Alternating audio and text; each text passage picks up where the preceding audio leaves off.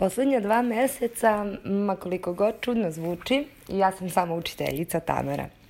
16. marta ove godine sam poslednji put videla moje učenike koji su u petom razredu devetogodišnje osnovne škole u Sloveniji. Ja sam njima spakovala virus u priču i rekla im da se samo jedno kratko vreme ne vidimo. Ni sama nisam verovala šta pričam, ali od tada zaista više nismo pričali uživo tu počinje jedna nova priča u obrazovanju, sasvim drugačija od svih prošlih i za nas učitelje, a posebno za učenike, roditelje, porodice. Prve dve nedelje smešno zvuči, ali učili smo kako da učimo. Svi. I mi, učitelji. Online učionica, novi alati, kvizovi, audio knjige, snimanje i montaža video snimaka – bilo je zaista kao udarac neke nove realnosti i potpuno suočavanje sa nepoznatim.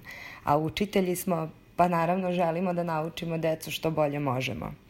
Mm, jako puno poteškoća smo imali stupiti u kontakt sa svim učenicima i mnogo poteškoća su imale posebno starije kolege i sa pravom sam stvarno ponosna na njih koji su savladali tehnologiju, izašli iz one uloge doslednog, strogog učitelja, umanjili standarde znanja, bar na početku online obrazovanja i razumeli nejednakost mogućnosti naših učenika.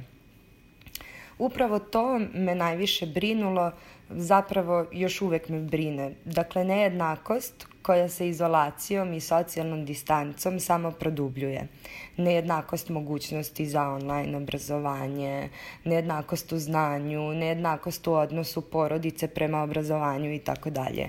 Međutim, um, moje kolege i ja nismo odustajali od učenika, nismo odustajali od romskih učenika, nismo odustajali od, siromaš, odustajali od siromašnih porodica, ni od obrazovanja učenika sa posebnim potrebama.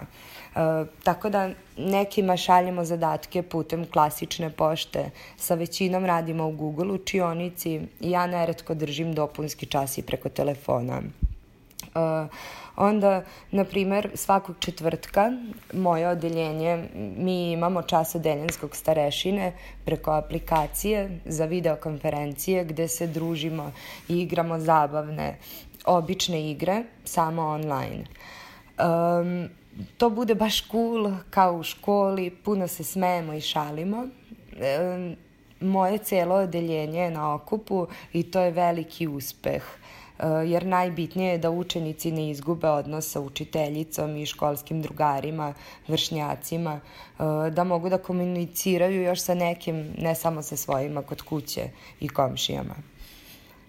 No, trenutno su u slavenačkim osnovnim školama samo učenici prvog, drugog, trećeg i devetog razreda. Vlasti razmatraju da li ćemo i ostali sesti u školske klupe, eh, tako da sa nestrpljenjem očekujemo vesti. Nadam se da će se to uskoro desiti, da nećemo puno žaliti za proteklih par meseci i da ćemo novo znanje o IKT, e, svu tu novu samostalnost učenika iskoristiti za, na primer, e, usavršavanje međunarodnih saradnji osnovnih škola.